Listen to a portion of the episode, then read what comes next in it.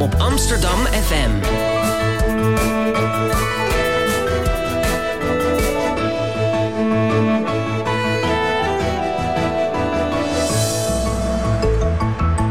Radio Swammerdam.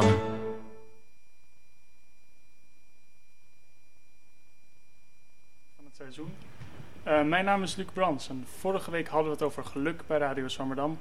En vandaag hebben we het over iets wat voor heel veel mensen belangrijk is bij geluk, namelijk religie. Het is tenslotte zondagochtend en van de EO Jongerendag tot de bestsellers van Eckhart Tolle, het o zo seculiere Nederland lijkt toch iets meer religieus dan gedacht.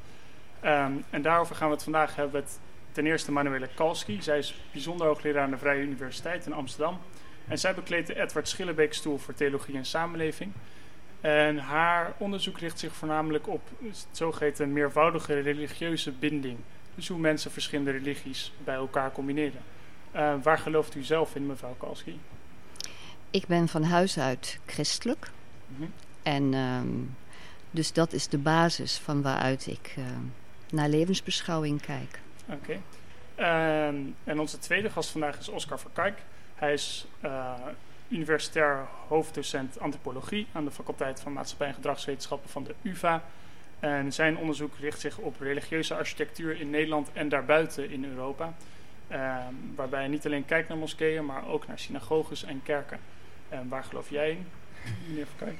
Ik ben eh, katholiek eh, van huis uit, maar eh, eh, ik heb hem nog nooit uitgeschreven, maar ik ben niet praktiserend meer. En ik heb ook nog niet bekeerd tot een of andere andere religie. Nee. Nee. Ehm, is die mogelijkheid er wel? Die mogelijkheid is er, maar ik heb geen plan in die richting. Oké, geen plannen. Ehm, daarnaast worden we weer bijgestaan door onze trouwe columnist Sico de Knecht. Drie jaar in running. Drie jaar in de running inmiddels. Eh, hij is promovendus in de neurowetenschappen volgens mij. En waar geloof jij in, Sico? Nou, dan moet ik me als humanistisch atheïst neerzetten, denk ik vandaag. En wat bedoel je daarmee? Dat ik eh, maar min of meer zeker weet dat er geen God is. En dat ik eh, mijn eh, geloof eh, voornamelijk in de mensheid heb gevestigd. Dus je gelooft in de neurowetenschappen? Eh, nou, nee. Nou, je zult straks een column van me horen dat het eh, niet per se over roosgeur en maneschijn gaat. Maar als we toch ergens in moeten geloven, moet, dat is dat we dat als mensen zelf moeten, op moeten lossen op eh, deze aarde. Oké. En ik word ook bijgestaan vandaag door de tweede presentator Lieve Heremans. Lieve, waar geloof Goedemorgen. jij in? Eh, ik was, ik ben niet ehm, opgevoed in een of andere religie. Mijn opa was wel dominee, maar die heb ik nooit gekend. Eh, en eh, ik was heel een tijdje eh, lid van de atheïsten Hive. Toen Hives nog bestond. Daar ging ik heel veel discussiëren met, met andere christenen volgens mij die daar voornamelijk kwamen om daarover te praten. En toen ben ik filosofie gaan studeren en toen las ik Socrates en die zei het enige dat ik weet is dat ik niets weet. Dus sinds toen ben ik ongeveer agnost geworden. En heb ik ook wel meer respect gekregen voor religie als betekenisgevend element in het leven. Want heel veel filosofen waren natuurlijk ook gewoon hartstikke religieus.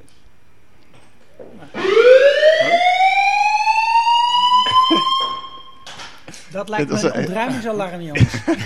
Helaas, ze moeten weg. Volgens Nou. mij was de openbare bibliotheek het niet eens met de religieuze opvatting van Lieve Heremans. En werd het gebouw hierdoor bijna ontruimd. Ehm, voor het volledige plaatje wil ik nog zeggen dat ik zelf niet religieus ben. Ehm, en dat u ons ook natuurlijk vragen kan stellen via Twitter, Radio Swammerdam. En dat wij die eh, Misschien behandelen. misschien behandelen. Als het goede vragen zijn, behandelen we die misschien. Eh, maar nu eerst om in de stemming te komen hebben we ehm Depeche Mode met Personal Jesus.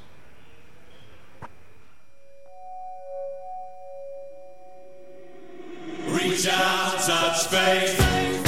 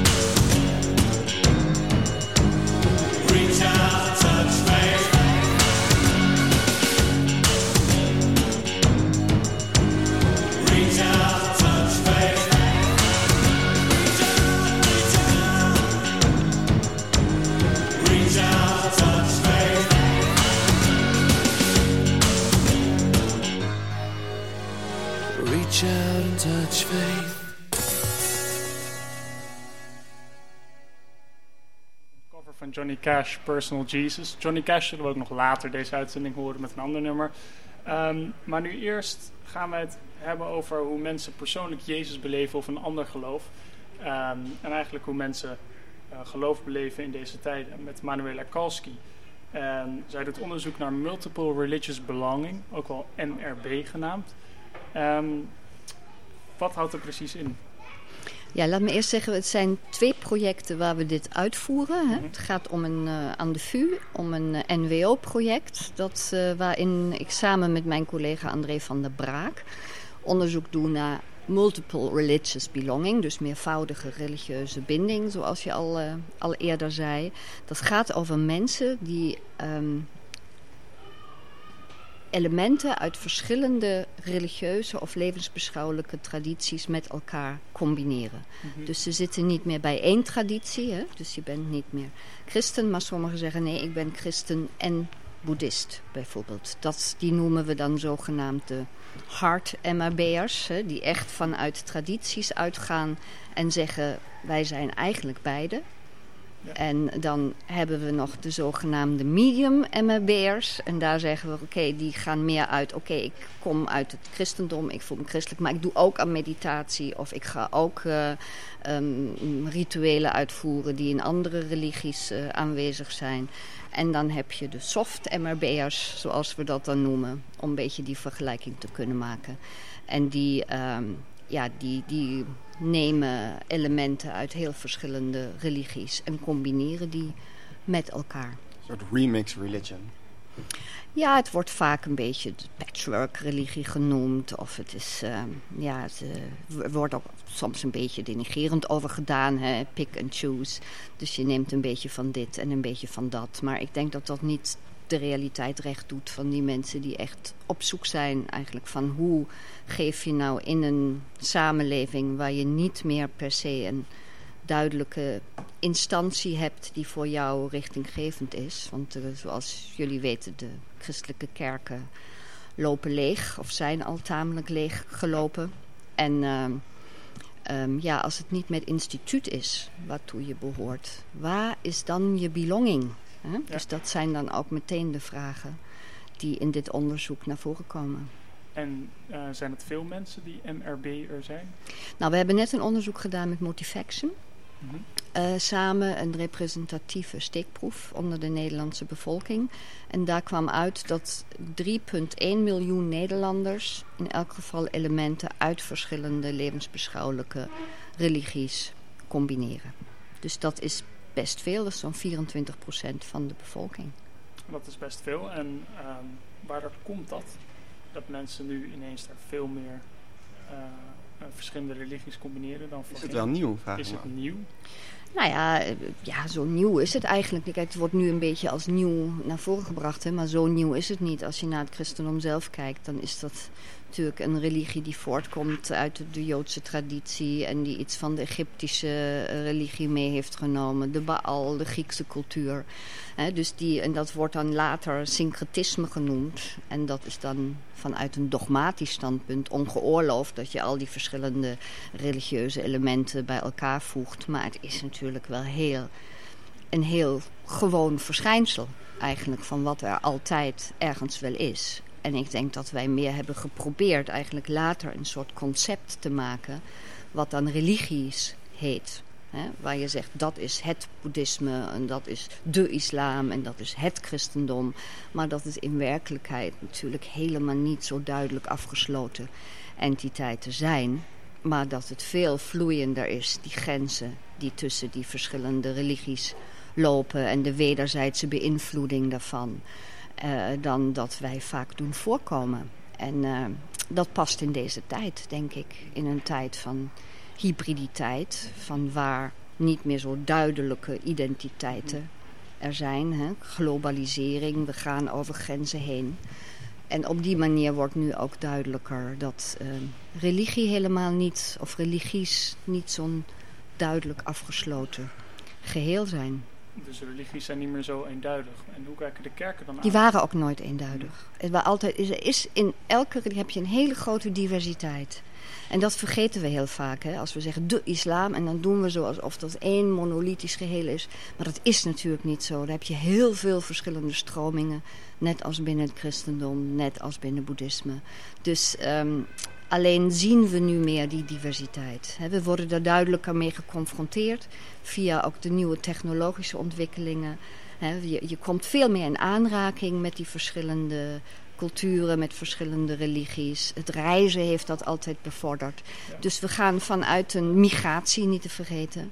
Je gaat meer vanuit een daarvoor toch tamelijk homogene cultuur. Ook al waren er minderheden en waar kwamen mensen, maar het was toch tamelijk homogeen. Ehm, ga je nu veel meer naar een echte diversiteit. Nou ja, en als je naar Amsterdam kijkt, daar waar we nu zitten, dan heb je een superdiversiteit. Hè? Dus dan heb je eigenlijk geen, eh, zijn minderheden de meerheid, zeg maar. En heb je niet meer een bepaalde meerderheid in deze stad. En deze individuele mensen, hoe, hoe combineren zij die verschillende geloven met elkaar? Is het echt dat ze zowel naar de kerk gaan op zondag als op zaterdag naar- of eh, vrijdag naar de school? Of is het veel, veel eh, meer vloeiender? Dan pakken zij gewoon bepaalde tradities? Wat zijn precies de combinaties die ze maken? Is het en-en of of? Wat is de, de Het is- manier van combineren? Je vindt het allemaal. Je vindt heel verschillende richtingen daarbinnen. Je vindt dat je eh, inderdaad zo'n soort indeling maakt. Met name die mensen die zeggen wij hebben echt twee tradities waar we echt in staan. Dan proberen zij dat ook te beoefenen. Hè? Dus dan, sommigen maken echt zo'n indeling van op die dag doe ik dat. En dan eh, heb ik meer mijn boeddhistische ritu- rituelen. Maar anderen hebben veel meer een manier van ik geef mijn leven op die manier vorm dat ik op een dag, de dag begin met meditatie. En dat, nou ja, dat je rituelen kiest waarmee je ook richting geeft aan je leven. Ik heb samen met Frida Pruim een boek uitgegeven dat heet Flexibel Geloven. Eigenlijk voorbij de grenzen van religies. En daarin kom je interviews tegen met mensen die van zichzelf ook zeggen: Ik eh, ben zo'n multiple religious belonger. En we hebben ook mensen gekozen die van zichzelf zeggen: Nou, ik heb me eigenlijk bekeerd tot een andere religie. Maar ook daar zie je dat eigenlijk niet meer die grenzen zo duidelijk zijn, maar dat zij dingen uit hun eerste religie, waarin ze eigenlijk zijn opgegroeid, hè, meenemen naar die tweede religie die ze ook hebben. En is voor deze mensen die eerste religie dan ook belangrijker? Met andere woorden, zit er een hiërarchie in? Nee, dat hoeft niet. Maar ik denk dat het wel een gelaagdheid is. Snap je dat je wel. Maar goed, daar zouden we een godsdienstpsycholoog bij moeten halen en vragen. Maar. eh, Staan die? sh- Shame on you. Oh. Godsdienstpsycholoog, ja, uiteraard, die bestaan. En eh? Nou, die onderzoeken dit soort verschijnselen. Wat voor soort. eh, wat, wat komt. Ja, wat, wat gebeurt er bijvoorbeeld als je verschillende eh, religieuze invloeden hebt? Wat gebeurt met je als je bicultureel bent? Of Mhm. misschien wel bireligieus, zoals dat meer en meer mensen nu zijn. Hè? Hoe ziet je identiteit er dan uit? Dus die identiteitsvragen zijn natuurlijk heel erg, eh, heel erg belangrijk in deze. En ehm, hoe zit het onderzoek van u dan precies in elkaar? U kijkt naar de individuele mensen, maar kijkt u ook naar grotere groepen mensen? Eh, u noemde net een onderzoek met Motive Action, een steekproef. Dus Ja. ik neem aan dat het zowel kwantitatief als kwalitatief is. Ja, dit was nu het kwantitatieve gedeelte. En vanuit, we hebben nu een panel. En eh, eh, dus met het panel, daar worden, er worden nu interviews gedaan. Dus het gaat nu meer naar, de kwali- naar het kwalitatieve onderzoek toe.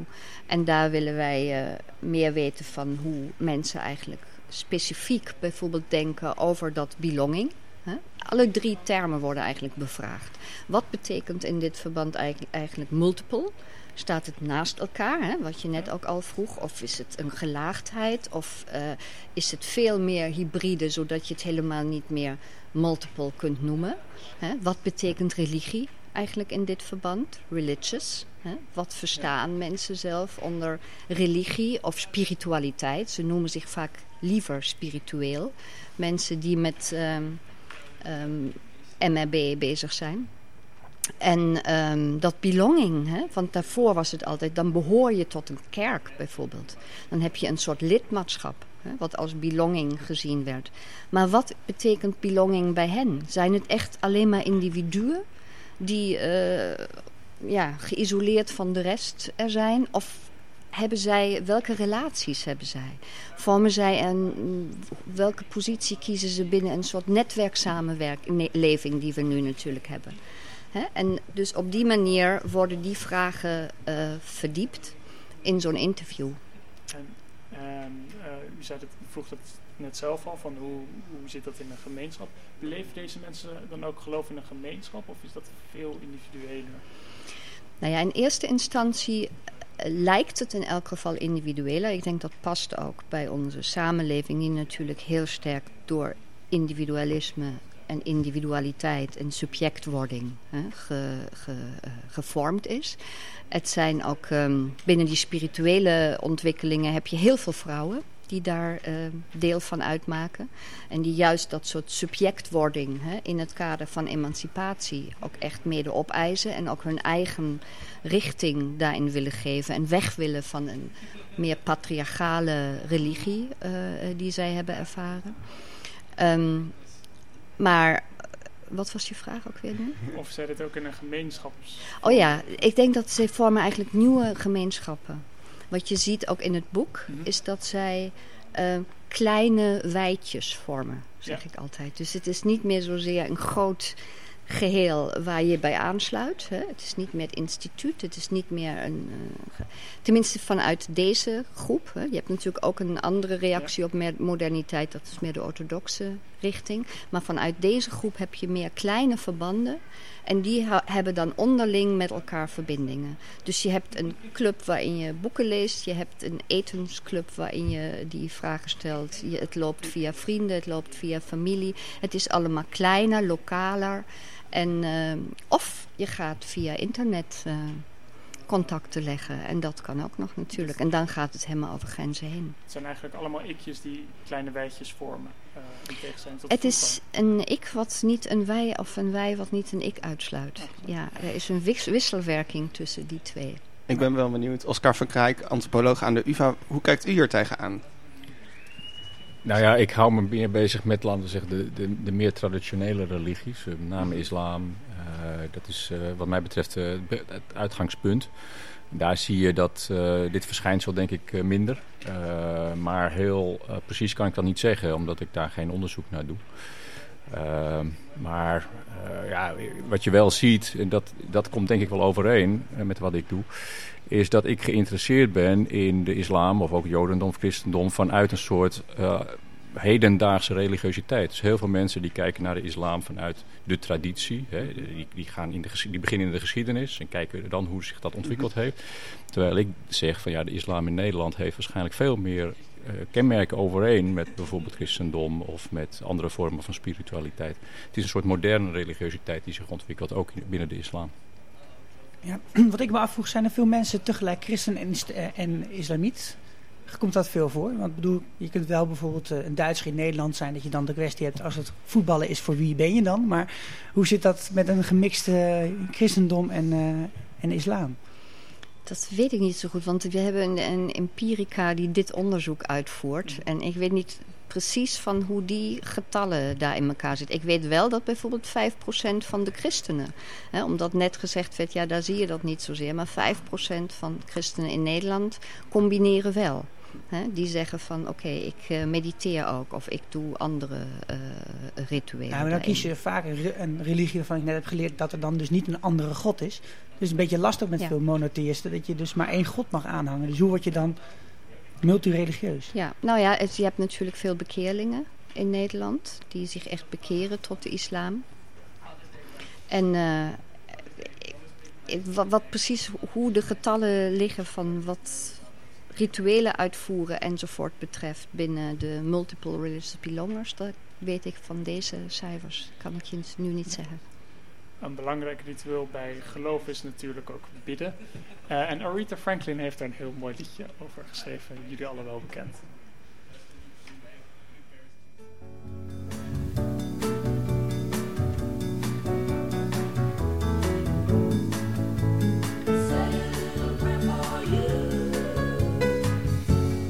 The moment I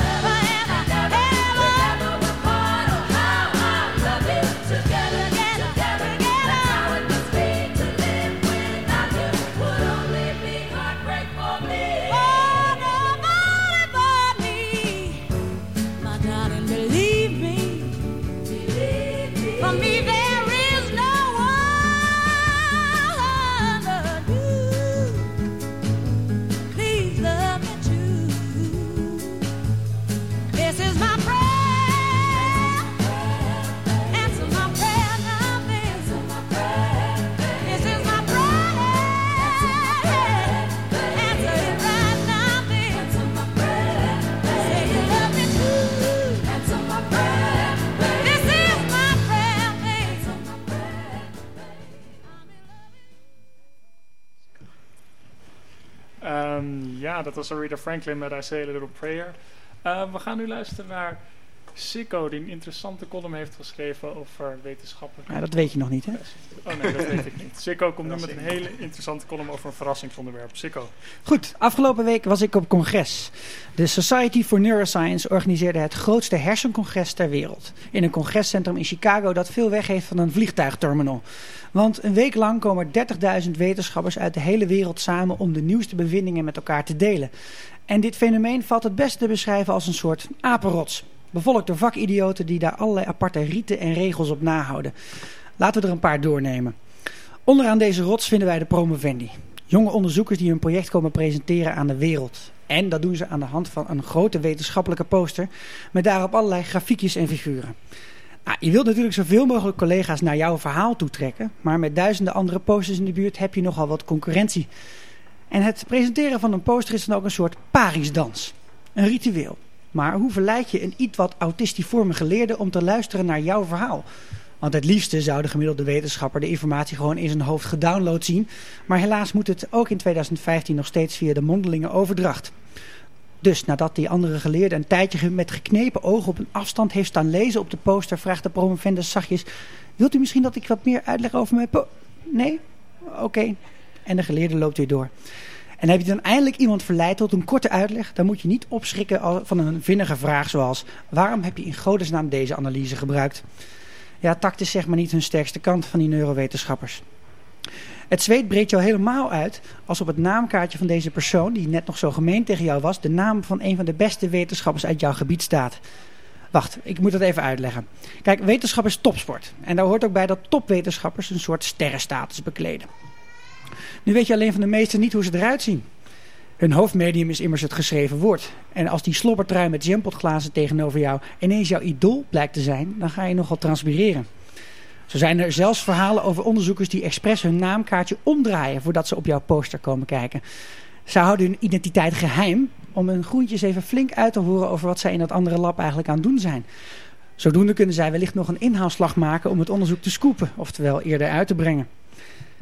Misschien is deze onderzoeker ook wel op zoek naar frisse geesten om zijn vakgroep mee uit te breiden. En zou hij zomaar je nieuwe baas kunnen worden. En wat dat betreft doen er nog veel sterkere verhalen de ronde. Over de echte hotshots, die natuurlijk als ze op congres zijn een complete villa afhuren. En s'avonds nodigen ze dan honderden mensen uit, voornamelijk jong, vrouwelijk en op zoek naar werk. Voor iets dat het midden houdt tussen een speeddate en een sollicitatie. Nou, dan om de analyse van deze rots verder af te sluiten hebben we natuurlijk nog het alfamannetje. De oude zilverrug die al tijden op zijn lauweren kan rusten. Hij heeft al honderden publicaties op zijn naam staan, onderzoeksgeld als water en de Nobelprijs pronkt al even in de boekenkast. Hij zorgt, verzorgt vandaag de keynote. Een lezing met een publiek zo groot als een voetbalwedstrijd, werkelijk. En zo'n keynote heeft eigenlijk maar één doel. Imponeren. Je zou denken dat een praatje voor collega's als hoofddoel heeft om nieuwe vondsten te delen en de anderen iets te leren, maar dat is niet de werkelijke intentie. In de drie kwartier die de spreker heeft, gaat hij met een tempo van een machinegeweer door 40 jaar onderzoek heen. Knal, knal, experiment na experiment wordt besproken zonder er werkelijk op in te gaan. En aan het einde van het relaas zit je met suizende oren in je stoel. En wat is nou de moraal van dit verhaal? Dat wetenschappers net mensen zijn. Ook al gedragen ze zich, als goddelijke entiteiten, opererend op een totaal ander niveau. Het zijn soms net ongemakkelijke pubers die met de grootste doorzichtigheid opereren. De afgelopen jaren brokkelt het vertrouwen in de wetenschap steeds een stukje verder af. Waarschijnlijk is er maar één, re- één remedie. Dat we allemaal eens een kijkje nemen achter het gordijn. Om te ontdekken dat het allemaal mensen zijn. Wauw, dat vind ik een hele mooie column. Is eigenlijk eh, een beetje een crossover tussen animal studies en antropologie. Eén vraag. Herkennen de wetenschappers aan tafel zich in dit verhaal? Zeker, al, al, al denk ik, eh, het is nogal een gendered verhaal wat je ophangt. Hè? Het zijn de- Mhm. inderdaad eh, de, eh, de grijze mannen die bovenaan staan, Ja, bovenaan de rots. Ehm, ik geloof dat daar wel enig beweging in zit inmiddels. hoor. Dat dat toch wel iets minder... Het, maar misschien is dat bij neuro... eh, wat, was, wat voor vakgebieden was ja, het ook alweer? neurowetenschap. Dus je moet Ja, een beetje denken van dat het misschien iets anders is dan bij sociale wetenschappen. Maar, ja. Maar 30.000 mensen, hè? Zijn er op religieuze congressen ook 30.000 mensen? Niet eh, wetenschappelijke Nee. Nou, ik ga, in, ik eh, ik ga in november naar de EAR. de American Academy of Religions. En daar eh, zijn er nog veel meer. Echt? Oh, wow. Dat is een gigantische bijeenkomst in Atlanta. Waar op alle terreinen van religie iets uitgewisseld wordt. En laten we ook niet vergeten dat religie eh, wereldwijd gezien natuurlijk booming is. Mhm. Dus we zitten wat dat betreft midden in een zeer, zeer actueel eh, thema. Wat religies betreft. Dus aan deze tafel is het niet echt representatief. Wat dit soort ontwikkelingen betreft. 2050 verwacht men, althans het Peer Research, Peer Research eh, Institute in Amerika, denkt dat 87% van de wereldbevolking religieus zal zijn. En hoeveel is dat nu? Eigenlijk? 82, dus Oh, zoiets. het gaat dacht alleen maar beter. Ja, nee, het, staat, gaat alleen maar stijgen. En met name islam zal heel sterk stijgen gezien de geboortecijfers. Dat had men in het begin helemaal niet zo verwacht. Maar nu eh, loopt het christendom en islam zal ongeveer gelijk opgaan. Nou, dan ben ik misschien een beta-wetenschapper, hè? maar ik denk dan bij onderzoek naar religie, denk ik, wat mij interessant lijkt om te onderzoeken is wat de meest succesvolle strategie is om iemand te bekeren. Dus dat eh, het, eh, de, maar, eh, de Jehovah-getuigen een onderzoek uitzetten waarbij ze langs de deur gaan, mensen in de auto aanhouden en via internet iets proberen. En dan kijken hoe je de meeste mensen bekeert. Is dit een religieus onderzoeksgebied of wordt dat helemaal niet benut? Nou ja, daar gaat het al lang niet over meer over. Ik vind het een erg achterhaald idee over wat religie is, moet ik zeggen. Nou, ik had gaat om dialoog. deur hoor. Dus Ja, ja, het is altijd fijn om zo'n klein iets, dat maak je dan heel groot. In dit opzicht lijk je bijna een journalist, om het maar zo te ik zeggen. wil alleen maar Je weten hebt wat jullie even iets boem en dan maak je, oh, dat is religie. Maar zo, zo is het niet. Ik denk dat eh, het met name om interreligieuze dialoog nu gaat. Dus de dialoog tussen verschillende religies. Ook om ja, toch een eh de-escalerende werking te hebben. Wereldwijd blijkt dat dat ook kan. Dus religie is niet alleen maar iets wat eh, geweld veroorzaakt of mede kan veroorzaken. Maar eh, het kan ook blijkbaar de-escalerend werken. Op die Dus manier. Dus meer het heeft een hele, en- hele. Het is zoals alles, alle ideologie het heeft een ambivalente functie. Meer religie en meer religieuzen in de toekomst. Meer vrede misschien ook. En al die mensen die religie beleven, moeten dat natuurlijk ook in een gebouw doen. Tenminste, dat deden ze volgens mij al een tijdje. En aan tafel hebben we Oscar Verkrij- Verkrijk. Nee? Verkijk. sorry. Ja, lastige naam. Ja, maar heel moeilijk. Ehm, antropoloog aan de UvA. En u doet onderzoek naar reli- religieuze architectuur in Nederland en elders in Europa. Zoals Duitsland en Spanje. En daar bent u nu een tijdje mee bezig. En daar is onlangs een Engelstalige bundel van uitgekomen. Hoe heet die ook alweer? Eh, heel simpel Religious Architecture. Met de ondertitel Anthropological Perspectives. Ja. Heel straightforward. Ja, ik dacht, eh, ik kwam er op een gegeven moment achter dat boeken met een hele saaie titel, die worden het best gelezen. Dus eh, vandaar. Hoe, wat was de titel van Margaret Mead, Margaret Mead haar boek ook alweer? Coming of Age in Samoa. Ja. Ja, die is Heel iets, iets meer sexy. Ja, ja. Ja, Maar uw onderzoek richt zich dus op eh, het ontwerp van religieuze gebouwen.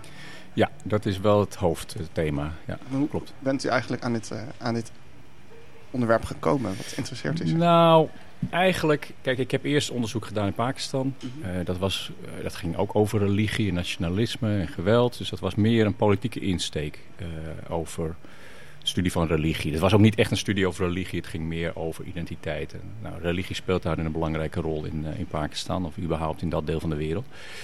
Ehm, en dat heb ik ook op een gegeven moment meer naar Nederland of Europa overgebracht. Toen was ik geïnteresseerd in discussies over secularisme in Nederland bijvoorbeeld. Hè. Het is ook een soort geloofssysteem eigenlijk. En hoe dat dan heel vaak tegenover de islam wordt gesteld.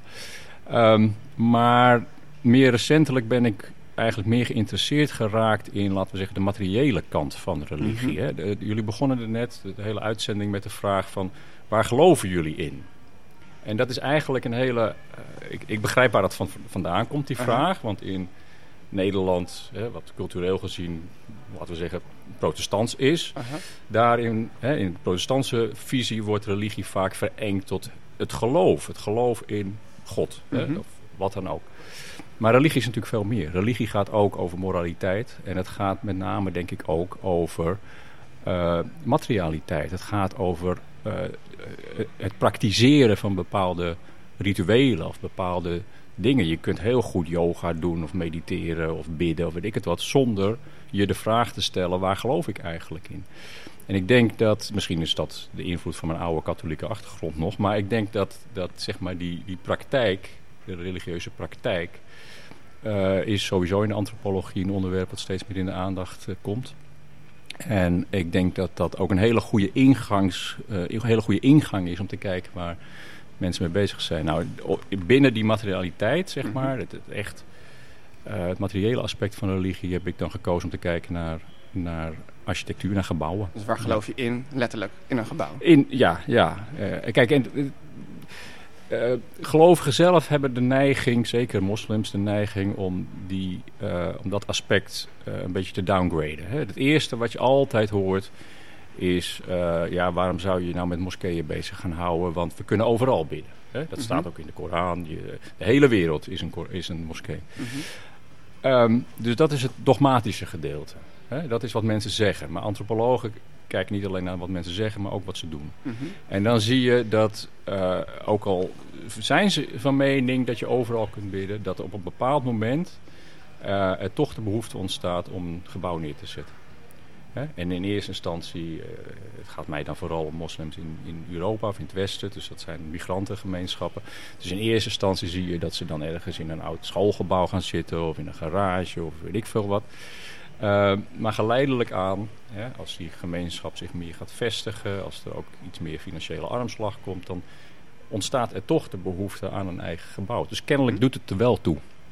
Uiteraard. En uh, wij geloven denk ik heel erg vaak aan traditie. En bij wetenschap eigenlijk ook, omdat het altijd voortbouwt op wat ervoor is gekomen.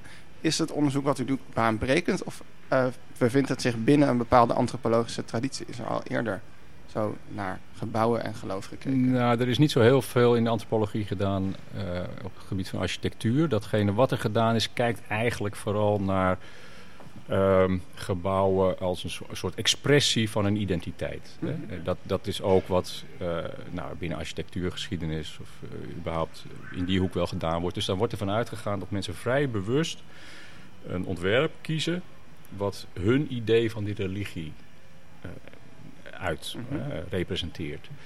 Nou, ik heb uitgebreid onderzoek gedaan in de totstandkoming van één bepaalde moskee in Almere. En dan zie je dat dat helemaal niet zo is dan zie je dat mensen eigenlijk beginnen met wel een wens voor een moskee en tamelijk diffuse ideeën van hoe zo'n gebouw er dan uit zou moeten zien. Of nog niet eens gematerialiseerd, maar hele ja, uh, vluchtige ideeën. Bijvoorbeeld het moet transparant zijn of het moet dat soort uh, hele abstracte termen. Maar ze hebben geen flauw idee hoe dat, dat dan uit zou, komen te, zou uit moeten komen te zien.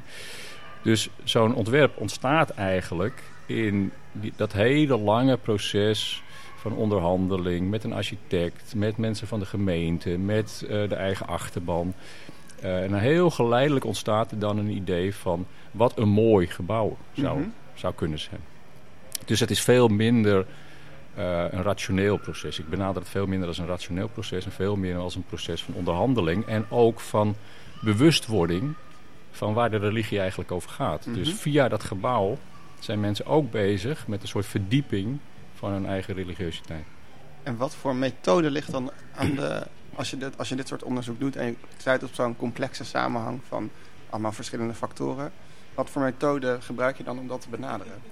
Vanuit wetenschap? Nou ja, ik ben, ik ben uh, antropoloog. En de, de, de, als er iets is wat antropologie kenmerkt, dan is het denk ik kwalitatief onderzoek. Dus met name hè, wat, wat deep hanging out. Uh, dus uh, etnografisch, etnografisch veldwerk. Dus ja, je, je, ik, ik, ik ga naar een hoop plekken toe en probeer daar met zoveel mogelijk mensen te praten. Maar ik, met name dat, dat project in Almere is dus echt wel gebaseerd op het idee dat je...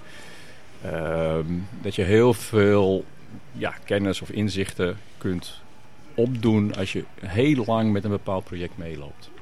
En uh, tegen wat voor conflicten loop je dan, of liepen die mensen aan die die kerk aan het ontwerpen waren in Almere? Moskee. Moskee, sorry. Ja, ja, ze zijn daar. Het is, het is een soort. Het is heel interessant. Ze noemen het een Rally Boulevard. Aha. Dus er is één plek helemaal aan de buitenkant oh, wow. van Almere. En daar, hebben, daar staan dus een aantal religieuze gebouwen, waaronder een moskee en een een hindoe-tempel en een boeddhistische tempel. Er zou ook een kerk komen, maar dat is niet doorgegaan vanwege geldgebrek. is misschien ook wel typerend. Ja. Ehm, maar, ehm, sorry, ik ben je vraag even kwijt. Wat, Wat voor problemen voor hadden ze bij problemen?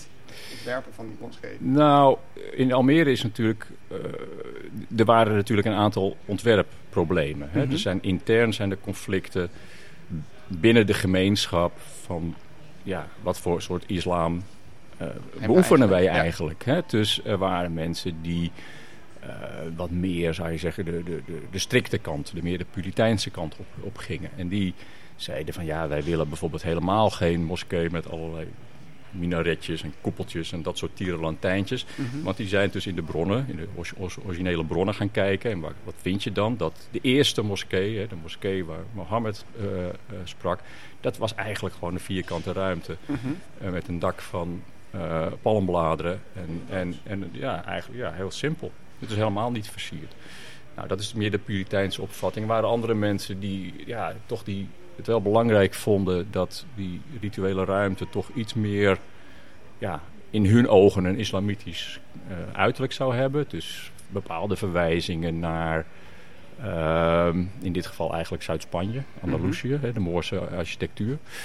Eh, maar het had ook iets anders kunnen zijn. Nou, dat, dat, dat is één zeg maar, spanning die erin zit. Dus het is eigenlijk een spanning over hoe moet het eruit gaan zien. Maar er zit eigenlijk achter wat voor soort eh, islam willen wij beoefenen.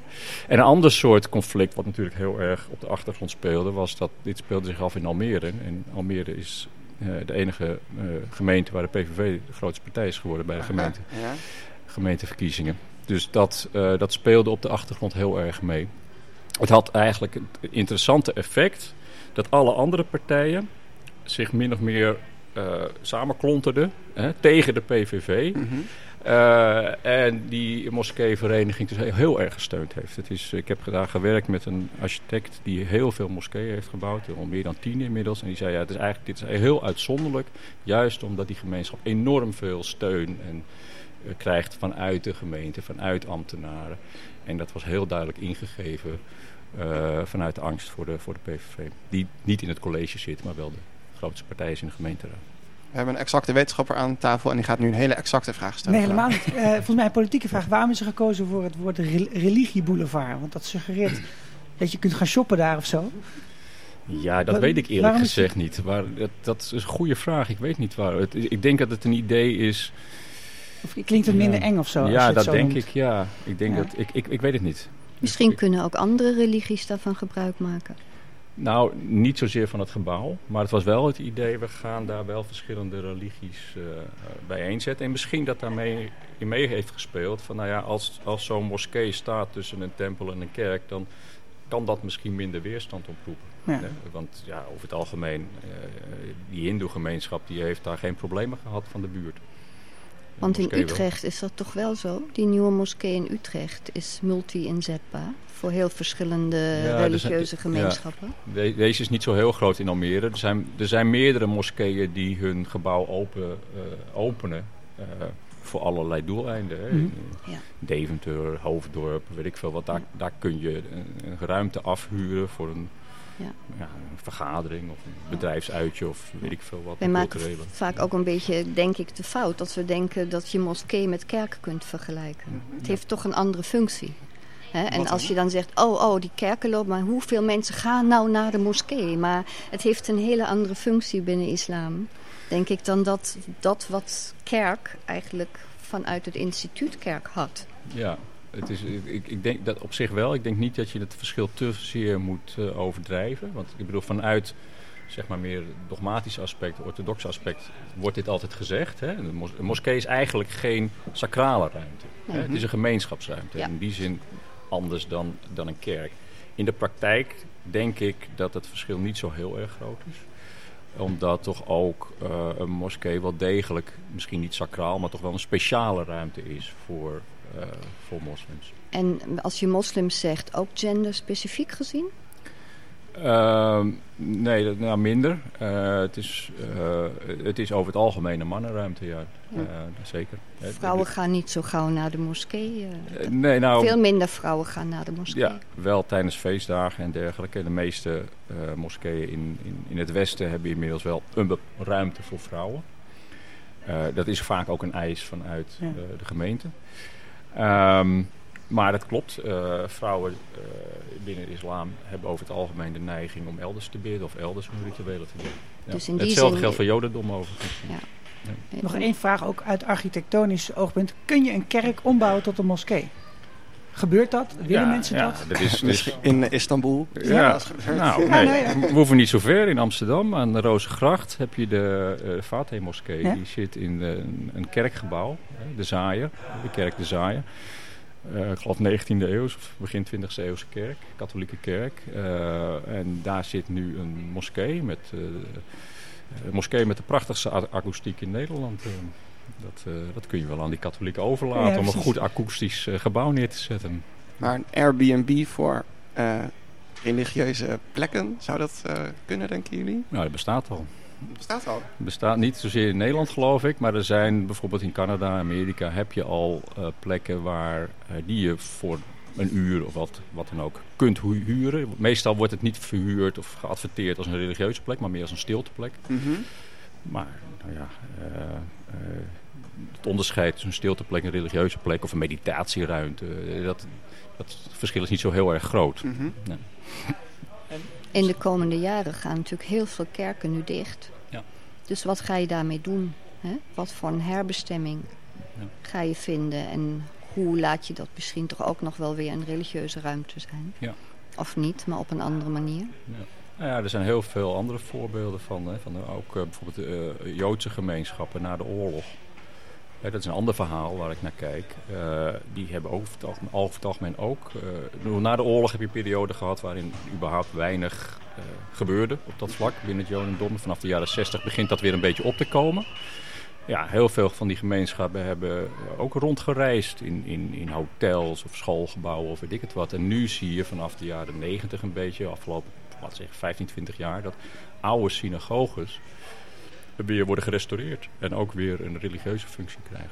Ja, en die migrantenchristen zitten in garages natuurlijk. Ja.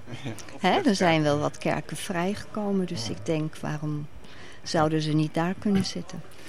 En hoe belangrijk is nou zo'n religieus gebouw eigenlijk voor die individueel multireligieuze mensen dan precies? Hebben zij ook zo'n gebouw nodig? U zegt net dat er heel veel kerken gaan sluiten, terwijl er heel veel gelovigen bij komen, multireligieuze gelovigen meestal denk ik in Nederland. Hoe belangrijk is zo'n gebouw voor hen?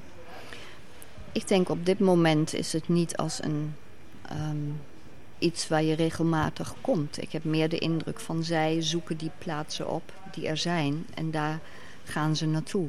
En misschien als je incidenteel weer bij elkaar komt of die groepen, dan zoek je weer een plaats waar je dan bij elkaar komt. In dat opzicht zijn het meer nomaden, denk ik. Dus inderdaad meer naar de Airbnb voor. Het, ja, het zijn nieuwe vormen van eh, bij elkaar komen of met elkaar in contact komen, nieuwe verbindingen leggen. En eh, dat, ja, dat worden hele grote veranderingen volgens mij in de toekomst, die nu in, eh, in Nederland, in West-Europa, überhaupt in Europa gaan plaatsvinden. Over hoe geloven en religie gestalte krijgt. En hoeveel ruimte geven we het ook, hè? Het is ook eigenlijk helemaal geen nieuw verschijnsel, zit ik nu te denken. Want in, in Pakistan, India, heb je eh, van oudsher eigenlijk heel eh, ruimtes gehad, gebouwen gehad, die zowel als, eh als hindoe-tempel als moskee-dienst deden. Ja. Van- als je van de ene kant binnenkwam was het een tempel, als je van de andere kant binnenkwam was het van een moskee. Dus die vermenging van religies, ook binnen een gebouw, elders in de wereld gebeurt dat al heel vaak eigenlijk. Of gebeurde dat, nu zie je dat niet zo vaak meer vanwege de spanningen tussen hindoes en moslims natuurlijk, afgelopen honderd jaar. Ja. Als je verder terug gaat in de geschiedenis, eh, zie je die vermenging wel. Maar ja, bij dat MRB zie je nu, het gaat niet zozeer om dat interreligieuze. Hè? Het is eigenlijk een intra-multireligieus iets. Het is dan in jezelf, combineer je eigenlijk dingen uit religieuze tradities. Maar- en het is niet meer zozeer twee gemeenschappen hè, die dan met elkaar op een of andere manier deze dialoog voeren. Dus dat is wel een heel groot verschil. En als je ziet, mensen willen zich op dit moment in Nederland ook niet meer binden gemeenschappen. Hè. Sterker, die individualisering die je overal ziet, daar heb je niet alleen maar bij kerken last van, daar heb je ook bij politieke partijen en eh, vakbonden en overal waar je ziet, nou, men wil zich niet meer op die manier binden. Dus er zullen nieuwe vormen ontstaan. Ja, maar van. eh, eerder suggereerde je dat er, er komen, tenminste dat is, dat is dan een cijfer, er komen meer religieuze mensen op aarde eh, de aankomende 50 jaar. We gaan 5% stijgen, begreep ik. En daar werd ook de suggestie bij gewekt dat er meer vrede kwam daardoor. Nee, nee, nee, nee, nee. Dat, heb is- ik, dat heb ik niet gezegd hoor. Nou, dat is wel een suggestie die je over boven tafel dreef. eh. Ja, maar ik heb gezegd, religie is niet... Nu zien we religie heel vaak als de oorzaak van geweld. Ja. En daar zeg ik van, dat is een zeer eenzijdige blik. Ten Maar- eerste is de vraag of het religie is. En de tweede is dat religies of religieuze gemeenschappen ook juist mee kunnen bijdragen. Blijkt uit onderzoek van het onderzoek, met name in Duitsland, het hele Weltethos-project van Kung. Die hebben daar onderzoek naar gedaan. Dat in die eh, eh, landen waar ook geweld plaatsvindt, dat daar juist religies ook een deescalerend effect kunnen hebben op dat geweld wat daar plaatsvindt. Maar- dat is wat ik heb gezegd. Dan toch een, nog een journalistieke vraag, maar hoe verenig je dat dan met wat er nu in het Midden-Oosten gebeurt tussen oorlogen, Koerden, Shi- Shiiten, Soenieten en een grote aanwakkerende golf van geweld waarvan iedereen bang is dat naar Europa komt. Niet dat ik daar per se bij hoor bij die mensen, maar dat, dat valt ook moeilijk met elkaar te verenigen. Maar ehm dus ik ook denk dat je daarbij wel moet kijken dat religie hier gebruikt wordt als een label om die conflicten beter te verklaren, maar dat er eigenlijk heel veel onderliggende dingen spelen. Je hebt Ja, maar dat is altijd. Als er oorlog is tussen ja, twee religies, dan is het ineens niet meer religieus, maar dan was het gewoon gemene mensen. Maar zo zo kun je het spelletje niet spelen. Nou, dat gaat ook over welke groep de macht had. eh, Ja, dat is namelijk precies wat religie is. Wie heeft er de macht? Dat is toch weer de politiek, zeker? Nou, dan is politiek, politiek en religie dus hetzelfde. En dan is een religieus conflict ook een politiek conflict en dus ook een gewelddadig conflict. Ja, ik denk dat dit een hele seculiere, eh, of atheïstische kijk op religie is. Ja, moet ook even vertegenwoordigd worden hier aan tafel. Kom Ja. op. Zeker, maar ik, eh, ja, ik denk niet dat het zoveel zin heeft om een conflict te verengen of te vernauwen tot een religieus conflict. Nee, juist niet. Ik denk niet, ik denk niet dat religie er helemaal niet toe doet, dat niet. Maar eh, ik denk, ik ben het eens met, eh, met Luc dat, dat, eh, dat, je, ja, dat het veel complexer ligt. Hè. Eh, en natuurlijk, het Midden-Oosten is een, is een voorbeeld waarin religie een belangrijke rol speelt. Zuid-Azië is dat ook geweest, hè, waarin je eigenlijk ziet dat religie en nationalisme heel erg met elkaar vermengd raken. Maar er zijn natuurlijk talloze conflicten te noemen. Hè, met name in de 20e eeuw, de grote wereldoorlogen. Die gingen helemaal niet om religie. Nee, precies. Maar om die reden kunnen we ook niet zeggen dat relig- religie vaak een eh, verzalvende of een eh, eh, bij elkaar brengende werking heeft. Want dat is dan net zo niet waar als dat het een conflicterende dat, werking Dat heeft. ben ik met je eens. Ja. Ja, dat heeft ook niemand volgens mij hier ontkend. En leven we nu eigenlijk in een eh, post-seculiere Nederland als je al die mengvormen van religie bij elkaar ziet? Of moet je dat anders benoemen?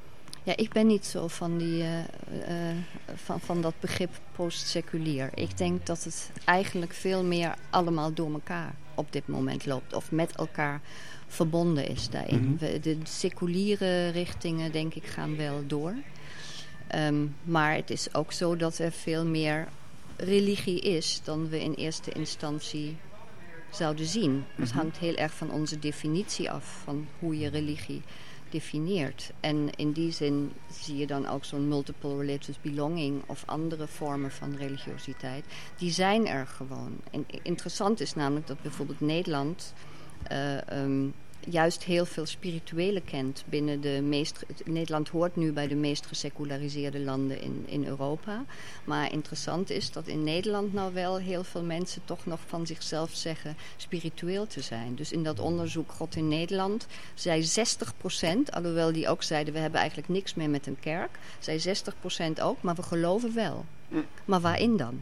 Ja. Snap je? En hoe zit dat dan precies? Dus je zou daar eigenlijk veel genuanceerder onderzoek naar moeten doen. Hoe zich dat verhoudt en niet meer zozeer via de oude concepten die we erop hebben gelegd of hoe we religie hebben gedefinieerd, maar inderdaad lived religion te kijken van wat gebeurt er nou eigenlijk aan de basis. Maar volgens mij wil mijn buurman daar ook nog iets Nou ja, over dat postseculiere, dat, daar geloof ik ook niet zo heel erg in. Ik denk juist eigenlijk dat eh, al die beweging op het religieuze vlak ertoe leidt dat eh, ook steeds meer mensen gaan nadenken wat secularisme eigenlijk is. Ja. Eh, en daar zie je duidelijk een, verschil in. Je hebt zeg maar wat, wat ik met een aantal mensen noem cultureel secularisme. Dat, dat is dus het, idee van normen en waarden. En secularisme, is ons eigenlijk. En aan de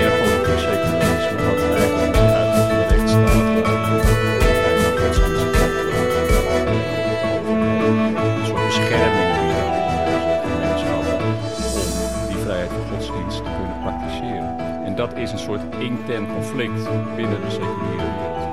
Eh, een heel interessant gesprek dat we vandaag hebben gehad, waar we zeker nog even over gaan aan tafel. Ik wil mijn gasten bedanken. Uh, ik word op plaats Oscar van Kijk, antropoloog aan de UvA, en Manuela Kalski eh, van de VU.